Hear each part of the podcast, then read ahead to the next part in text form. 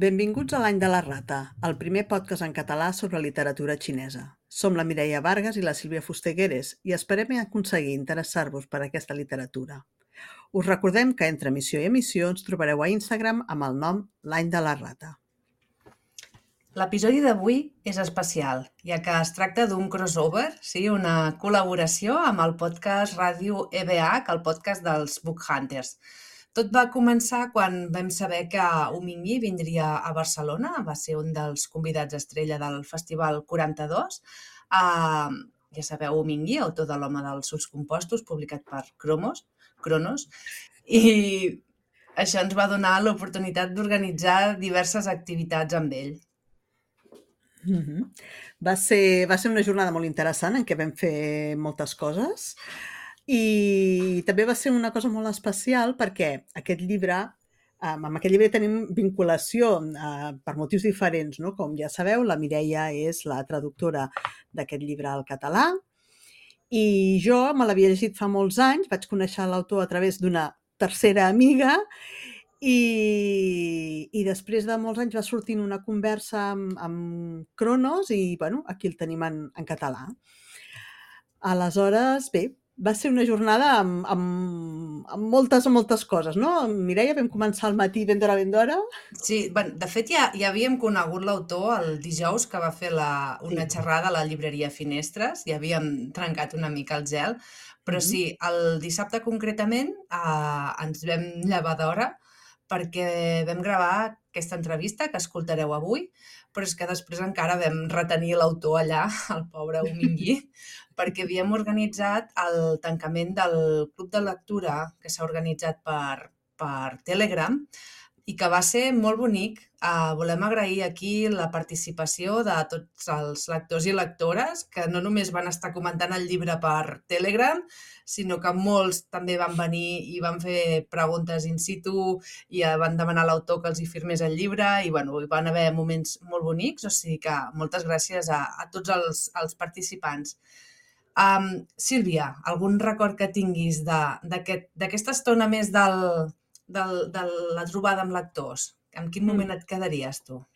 Jo, més que en un moment en concret, em quedaria amb l'ambient, no? amb l'atmosfera que, que es va crear, perquè ja teníem un autor taiwanès que no ens coneixia de res, uh, nosaltres tampoc el coneixíem amb ell, a més a més uh, necessitàvem la mediació d'un intèrpret, uh, de la, va ser l'Antonio Paoliello, que va fer una grandíssima feina, Um, I que tot i així hi va haver com un ambient íntim, estàvem tots en aquella habitació i li podíem preguntar coses molt concretes sobre el llibre.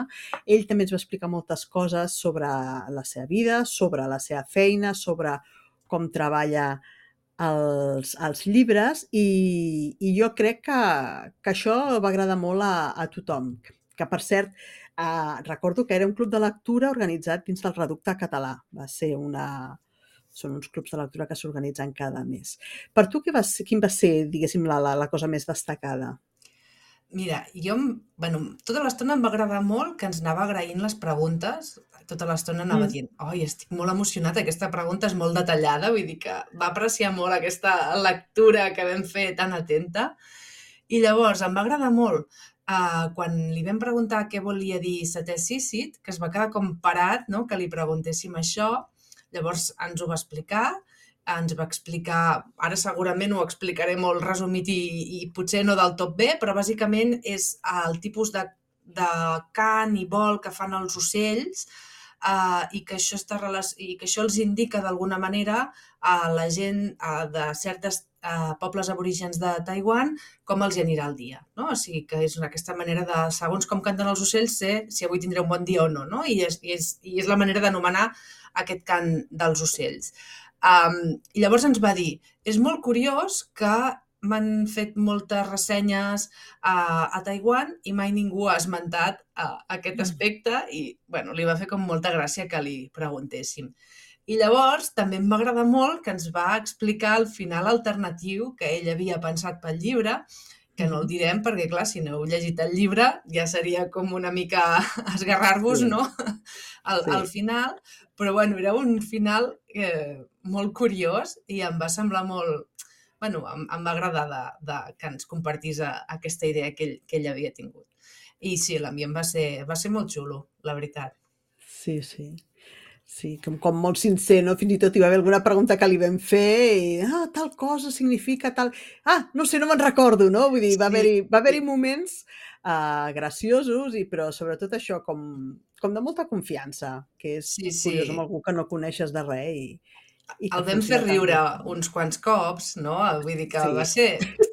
Perquè, bueno, una altra de les preguntes divertides, bueno, divertides, curioses que li vam fer és si en un moment que no, no recordo qui hi ha a una cova i veu unes l'Alice. ombres, l'Alice, oi? Si aquelles Sí. ombres són una referència a Plató i es va quedar així com una mica parat un moment i va dir, no, no.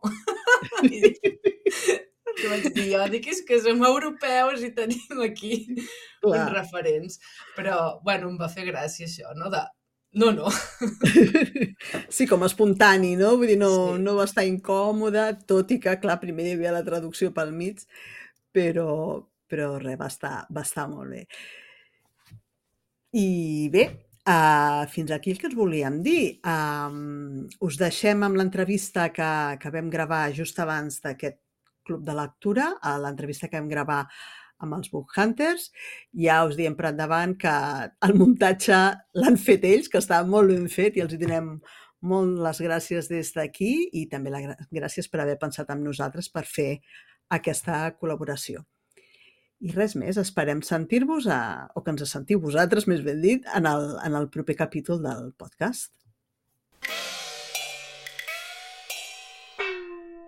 Doncs bé, avui és un dia molt especial perquè eh, per primera vegada els Book Hunters tenim l'oportunitat de parlar amb un autor internacional i és ni més ni menys que el professor Wu Mingyi, que és l'autor de L'home dels ulls compostos.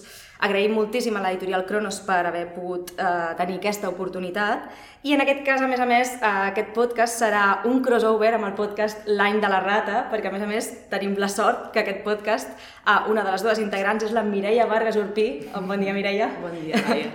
que la Mireia, eh, espero que tothom ho sàpiga ja, doncs, que és la traductora de L'home als ulls compostos al català.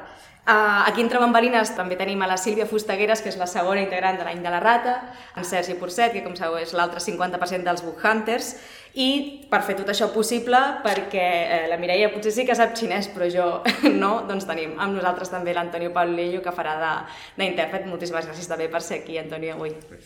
Um, voldríem començar amb un agraïment per l'autor, Wu Lao Shi, 我们呃两个博客的主持人，非常感谢您今天 抽出时间与我们呃分享。呃采访您是我们的荣幸谢谢您。嗯谢谢。不是发烧今天吃饭不要了嘛吴老师嗯今天海上天气怎么样？很 好很好嗯 Sabem que darrerament ha estat viatjant molt i que cada cop hi ha més traduccions de la seva obra arreu del món. Com està vivint la recepció de la seva literatura en altres països? Quina és la pregunta més recurrent que li fan els lectors no taiwanesos? Ah, sí, sí. 很荣幸来这边啊。那 Eh, moltíssimes gràcies per convidar-me i estic molt content de ser aquí i bueno, la resposta més senzilla seria que no pensava que aquell llibre es traduiria a d'altres idiomes i després quan es va traduir eh, he notat que a diferents, en diferents llocs els lectors em fan diferents preguntes però la majoria no tenen res a veure amb el llibre sinó amb la relació de Taiwan amb la Xina. 关于台湾跟中国关系的，当然 Si en canvi parlem de preguntes directament relacionades amb el llibre, em pregunten eh, per la cultura oceànica, pel vòrtex d'escombràries, per la qüestió mediambiental i pel cam canvi climàtic també. Bé, si tenim la sort de poder llegir L'home dels ulls compostos en, en català és gràcies a la Mireia i ara li farem una pregunta. Mireia, et volia fer una pregunta. Com és el procés de traducció d'un llibre eh, així tan intens, amb tantíssima informació no? I, i amb tantíssima diversitat? Uh, no sé si vas haver de fer molta recerca, si estaves en contacte amb l'autor i, i més o menys quant de temps vas trigar a traduir-lo? Mira, començo pel, pel final. Vaig trigar un any, però perquè l'editorial també em, va donar un termini generós. Sabien que jo treballo a la universitat, faig classe, faig recerca, faig altres coses i llavors la traducció al final és una feina que faig a més a més i per tant tenia bastant de temps i m'hi vaig poder dedicar uh, durant un any i una mica més. Uh, sí, hi ha molta feina de, de documentació i de recerca perquè hi ha moltes, bueno, es parla de molts aspectes de Taiwan, però també de coses que han passat d'arreu del món i que jo també, doncs, ja per poder-ho traduir bé, doncs, anava buscant i m'anava assegurant que estigués tot bé. Per exemple, es parla d'una biblioteca d'una ciutat, no direm quina, i se la descriu uh, molt bé i me'n recordo de buscar fotografies jo de la biblioteca buscant la sala que descriu el llibre per poder fer bé no, aquesta traducció i poder-m'hi posar jo també també a dintre. I durant el procés no vaig estar gaire en contacte amb ell, ha sigut més després no, que sí que uh, arran de tots els premis i tot doncs hem, hem anat parlant una mica més. També parlarem dels premis després, uh, però potser comencem ja a anar a, a parlar del llibre. L'home dels ulls compostos és un llibre complex, és coral, no? que té moltes subtrames que es van intercalant. No? Hi ha la trama de l'Atri amb Guayo Guayo i després hi ha la trama de l'Alice uh, amb la seva família, també els aborígens. Llavors, no sé, li voldríem preguntar al professor Wu uh, si en tenia ja tot al cap abans de començar o si va anar sobre la marxa. Quan es posa a escriure sempre té la mateixa manera de, de començar. Ell sap que té un objectiu, però mai sap com arribar-hi. I a més a més ell és professor d'escriptura creativa a la universitat, llavors cada setmana parla amb els seus alumnes i li comenta on ha arribat amb l'escriptura del llibre que està escrivint en aquell moment. 所以我写小说的方式比较像在生活里面慢慢认识一个人。La manera de, de conèixer els personatges és una mica com a la vida mateixa, o sigui, a mesura que va escrivint comença a conèixer el caràcter dels personatges i les coses que li passen fan que els personatges agafin una direcció o una altra. I se recorda, per exemple, molt clarament, quan escriu de Wayo Wayo, els éssers vius que, que viuen a, la, a aquesta illa, quan moren es converten en, en coral. I no sé si se'n recorda o sap uh, quina és la primera trama que li surt, el primer personatge que va tenir clar que volia explorar. La primera història va ser la de l'Atrie perquè és una història, és un personatge que no té res a veure amb, amb ell, amb, amb el seu entorn. Mm m'ha fet il·lusió entès Atri. Crec que la, soc l'única aquí que no entès el xinès, però això m'ha fet il·lusió entendre-ho. Anche sì, tinc la Atri Um, per ser un llibre que acumula tanta informació i que tracta tants temes, uh, sobretot mediambientals, creiem que s'hauria d'haver de documentar molt. I no sé quina recerca va haver de fer i quant de temps li va portar.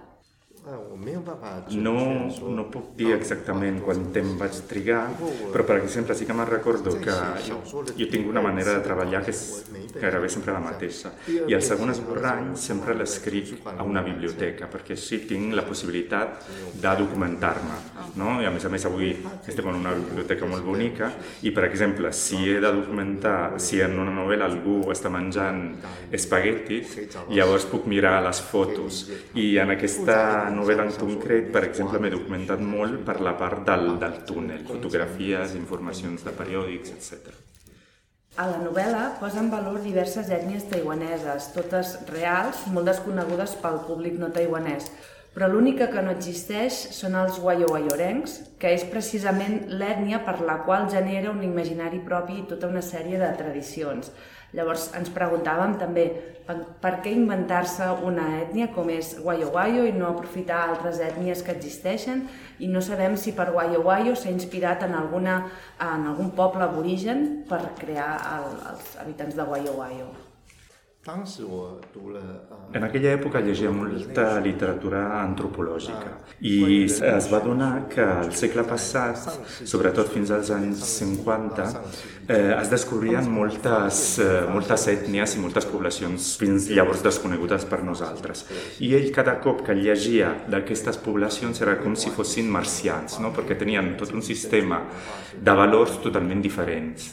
I Taiwan també té moltes, molta diversitat ètnica i oficialment hi ha 16 ètnies reconegudes i aquestes ètnies per eh, als taiwanesos que són d'ètnia Han, o sigui l'ètnia xinesa majoritària, són poblacions totalment diferents.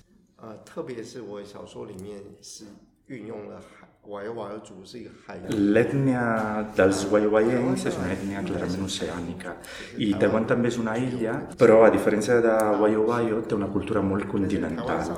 Llavors la inspiració arriba de l'ètnia dels Tao que viuen a la illa de l'Orquídea, que és una illa molt a prop de Taiwan, i que ell va conèixer arran del seu interès per les papallones, perquè en aquesta illa hi viuen papallones que no existeixen a la illa principal de Taiwan. També ens ha sobtat que per un dels personatges, per l'Alice, eh, l'escriptura és molt important perquè és una de les coses que la manté d'en peus, aquesta cosa d'escriure com, a, com a salvació. I no sé si eh, el professor Wu també percep la seva escriptura en aquest sentit, si per ell l'escriptura és una, una vàlvula d'escapament per compartir els, els seus neguits. 或许呃不是逃避啊， Eh, no és pròpiament una vàlvula d'escapament, però sí que el seu professor ell eh, molt sovint està en contacte amb joves que tenen molts neguits i, i llavors li, li, conven, li comenten amb ell. Ell també se'n recorda dels que tenia ell quan era jove. 时候感受到的痛苦。为了缓解这样子的痛苦，必须找到一个生存下去的 I per resoldre aquests problemes i aquests neguits necessites una, una raó. I llavors, per exemple, al llibre n'hi ha de diferents. Per exemple, un gatet, i llavors si tu mors, el gat també morirà. O, per exemple, una novel·la que encara no s'ha acabat d'escriure i llavors això et permet seguir 危 en 险的 vida. 事情，却给你勇气继续生存下 去。嗯，像我自己现在 Per exemple, ara ell, la, la seva vàlvula d'escapament és un os que té. 我觉得我每星期好像就是为了他们而坚强的活下来。 I li sembla ara que viu per això, no? pel seu hort i pel seu arbre de fruits, etc. Ara hi ha algú que li cuida l'hort. 那现在有人在照顾吗？你的哎，田地就是我我如果出国或什么，我回去就要花加倍的时间恢复。 Oh no, però ara quan torna ja haurà de trigar més temps, el doble de temps per cuidar-lo. Uh, bé, qualsevol que hagi llegit el llibre s'ha fet la seva teoria sobre el misteriós home dels ulls compostos que dona nom al, al llibre i, i també doncs, per, pel que significa. A nosaltres ens sembla que aquest home dels ulls compostos té molta càrrega simbòlica i li volíem preguntar què significa uh, per ell. 在我年轻的时候，呃呃， 可能不像现在这么美。 Eh, quan era més jove, me'n recordo que vaig veure, per exemple, que a la Xina hi havia una paret amb molts de televisors, televisors molt petits, i cadascú projectava una imatge diferent. 每个电视机都在放映不同的频道。 I quan em vaig apropar a les ciències naturals em vaig, eh, em vaig adonar que tots els éssers vius tenen la seva manera de, de funcionar 他 diferent. I llavors entendre com viuen i com poden sobreviure és una cosa molt interessant també per nosaltres com a humanitat. Eh, és una mica com quan hi ha totes aquestes, eh, aquestes pantalles i si eh, tanquem una de les pantalles aparentment no passa res, però sempre n'hi haurà una de menys. Repescant una mica també, abans ha comentat no? aquesta illa en què hi havia una, una espècie de papallones que només estava allà. Um, de fet, ja dic, qualsevol s'ha fet la seva teoria sobre l'home dels compostos, però veient que l'autor també ha escrit llibres sobre papallones i que li agraden molt o, o, o, o les coneix molt, uh, la veritat és que és fàcil no? fer aquesta connexió de, de si aquest personatge misteriós té alguna relació amb les papallones pel fet de que les papallones doncs, són insectes que tenen aquests ulls compostos. Eh, no té relació directa amb les papallones, però sí que les papallones són els primers insectes als quals em vaig interessar. I em vaig adonar que el sistema de funcionament de les papallones és totalment diferent als dels humans. 嗯，像呃蝴蝶的这个很重要的味觉器官是在脚掌，长在这个脚掌。 Per exemple, una cosa molt, molt interessant és que les papallones tenen l'olfacte a les potes i llavors quan dormen a la nit s'agafen amb les potes a un, a un arbre o a una, una planta i clar, què passa si s'agafen una planta que fa pudor o què passa si s'agafen una planta que fa molt bona olor? 当然这些会有一些科学解释。 Per suposat que hi ha explicacions científiques, però a mi m'agrada més la part romàntica de com funcionen les papallones. Per exemple, les papallones poden volar per centenars de quilòmetres, no? però no ho fan en un sol cop, ho fan en, en, moltes, en molts passatges. 是 diguéssim. 好几代。 No sé si això de... si una papallona... Potser és quan tenen malsons, si s'agafen a una planta, dormen en una planta que faci mala olor, no? 我不知道跟他们呃蝴蝶做噩梦的时候，是因为他们抓来一个呃比较臭的植物。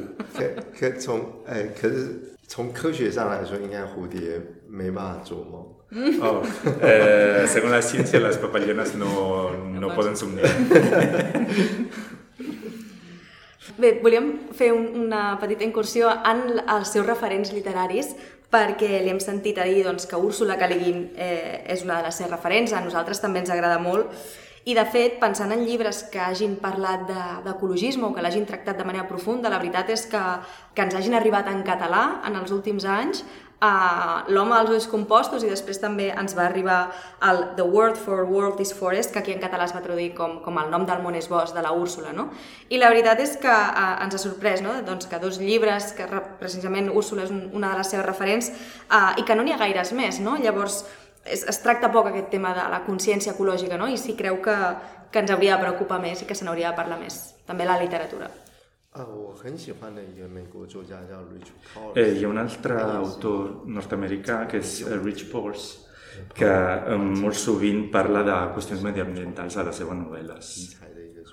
Eh, clar, potser hi ha un, un problema amb la literatura mediambiental és que per escriure aquest tipus de literatura has de tenir coneixements científics, eh, si no es converteix en una, una mena de, de propaganda. Però hi ha una cosa que, que tenen en comú els escriptors i els científics, és que tenen aquesta mena de romanticisme. Els científics també eh, són una mica romàntics en el sentit que volen resoldre aquests problemes mediambientals. Eh, clar que la vida de científics també és molt dura, és molt difícil.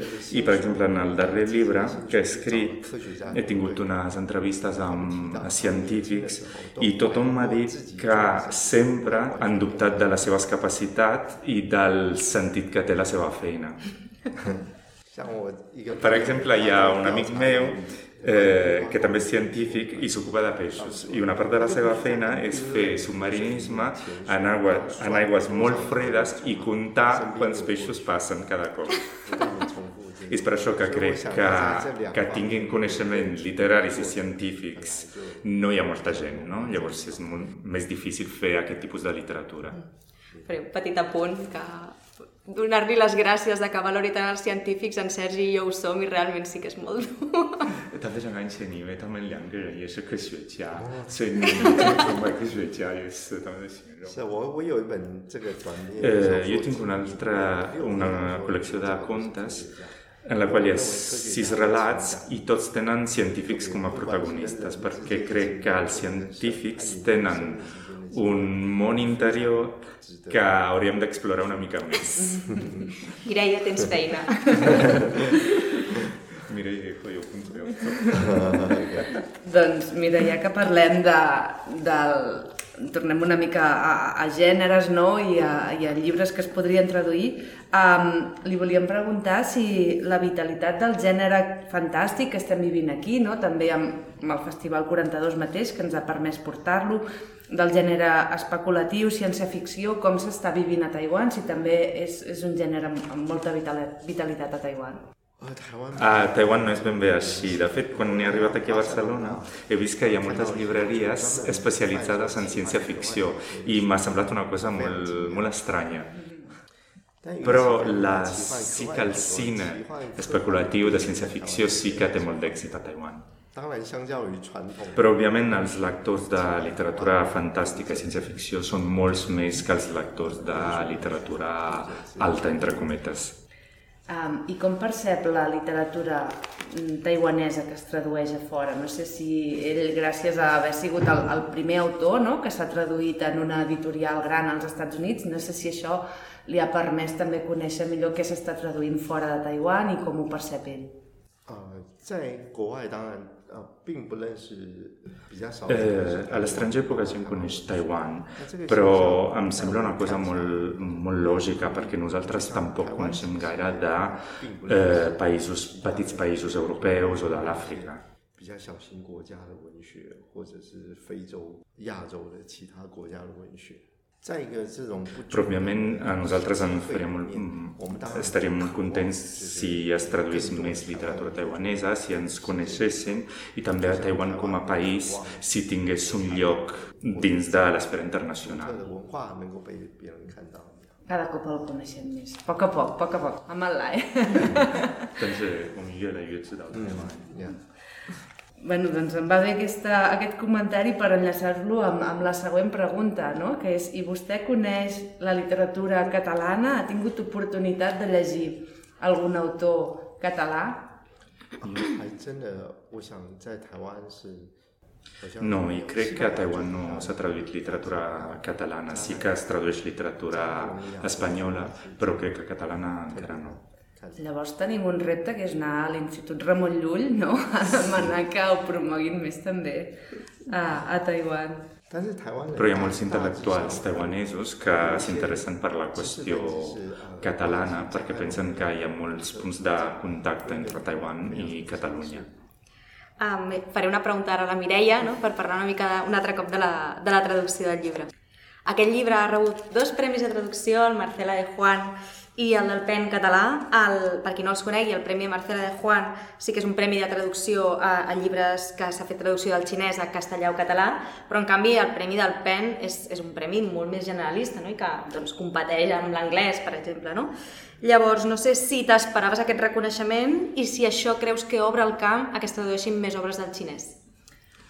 No m'ho esperava, la veritat. El, el Marcela de Juan sí que hi havia la il·lusió de presentar-nos-hi, perquè de fet ja ho havia intentat en altres edicions, amb altres traduccions, i vull dir que el Marcela de Juan hi havia aquesta il·lusió. El del PEN va ser una proposta de l'editorial totalment inesperada per mi i bueno, molt contenta de, de com va anar tot i sobretot per si això pot contribuir, com tu dius, a que s'equipari no, la literatura taiwanesa, sinòfona xinesa, altres tradicions literàries, que jo sempre dic que em sembla anòmal que es tradueixi tan poc del xinès, no? de la llengua xinesa, quan és una de les llengües en què més s'escriu del món i més es publica del món, ja sigui a Xina, Taiwan, Hong Kong, mm, tenim molt poca cosa que es tradueix i em sembla anòmal no? pel, pel fet que són mercats literaris molt, molt grans.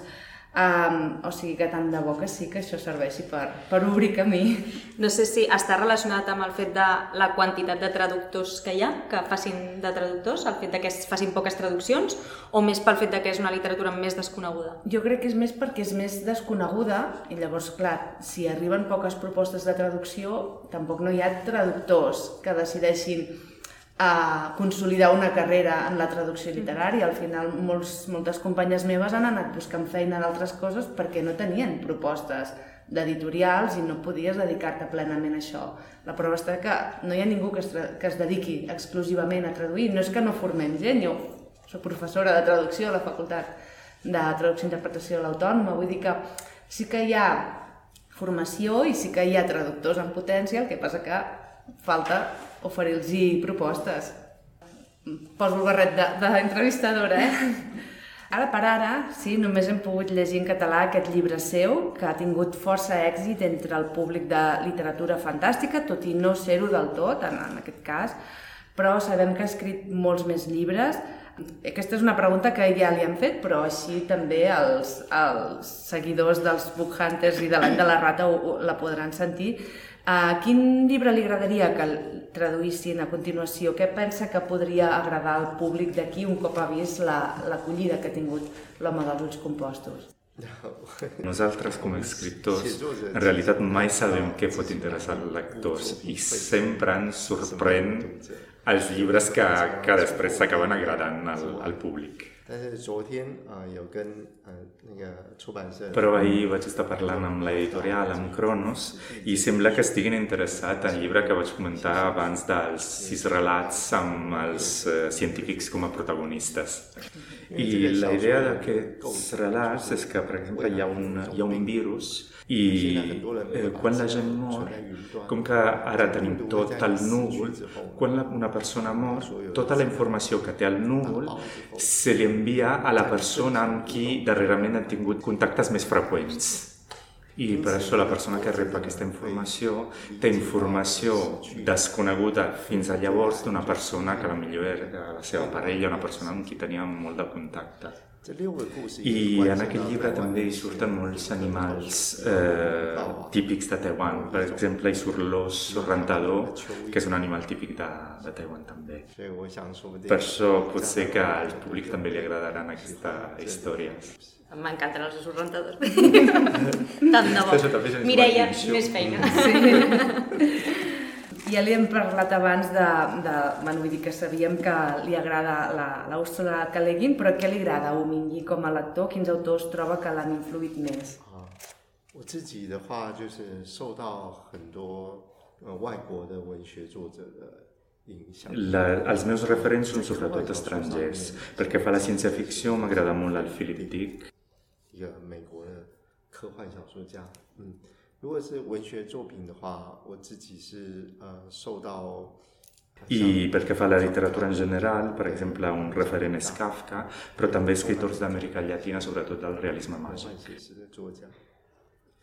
啊，因为 Antonio 是意大利人嘛，所以这个作家不知道您一定听过，叫 I com que jo soc italià, també li agrada un escriptor italià que és Dino Buzzati.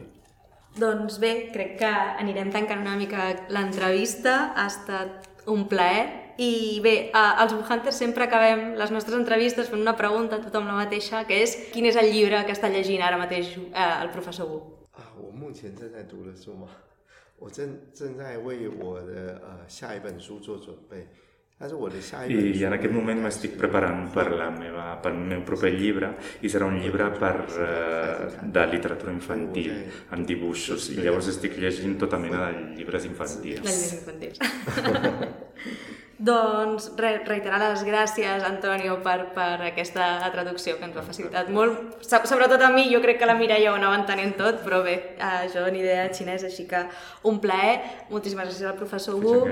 Moltíssimes gràcies, Mireia, també. Hi ha aquest crossover amb, amb l'any de la rata. Gràcies als Buhantes, no?, per obrir-nos també aquesta oportunitat i tota la tècnica que l'ha posat vosaltres. Bé, esperem que, que tothom que escolti o vegi aquesta entrevista, doncs, eh, si no han llegit l'home dels compostos, eh, això els interpel·li a, a llançar-s'hi i doncs res, moltíssimes gràcies a tothom per escoltar-nos i esperem que el llibre tot just hagi començat el, el seu recorregut.